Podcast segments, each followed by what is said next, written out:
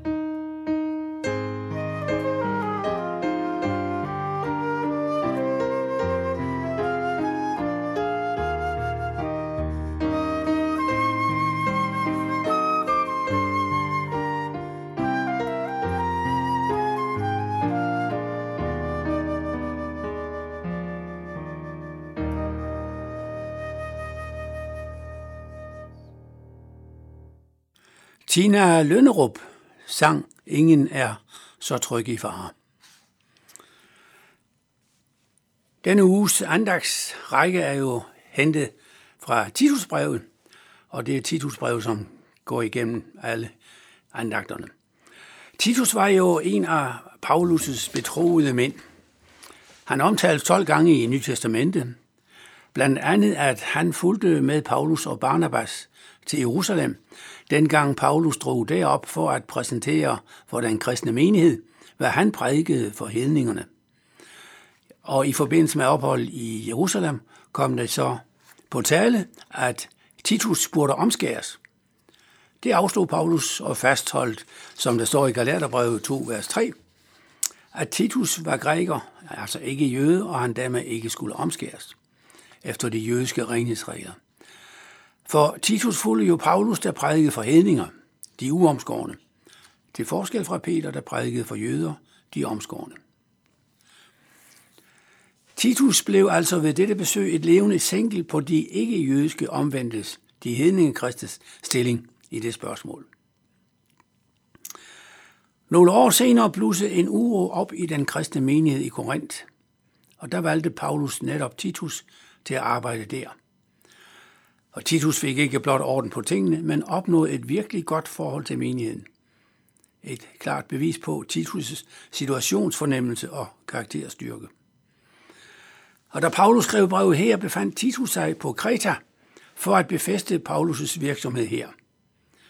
Kreta var sandsynligvis et af de første steder, hvor man hørte det kristne evangelium, og der var jøder fra Kreta i den skare, som lyttede til Peters prædiken allerede på Pinsedag, som vi hørte i Apostlenes Gerninger kapitel 2.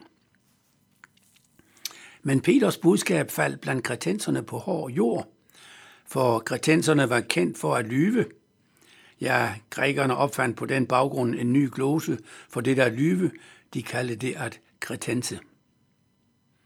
Det fremgår jo af brevet, at en af de kristne på Kreta var uregerlige, frembrusende, en flygtig flok, der havde brug for en fast hånd. Og det er dem, Paulus her skriver om.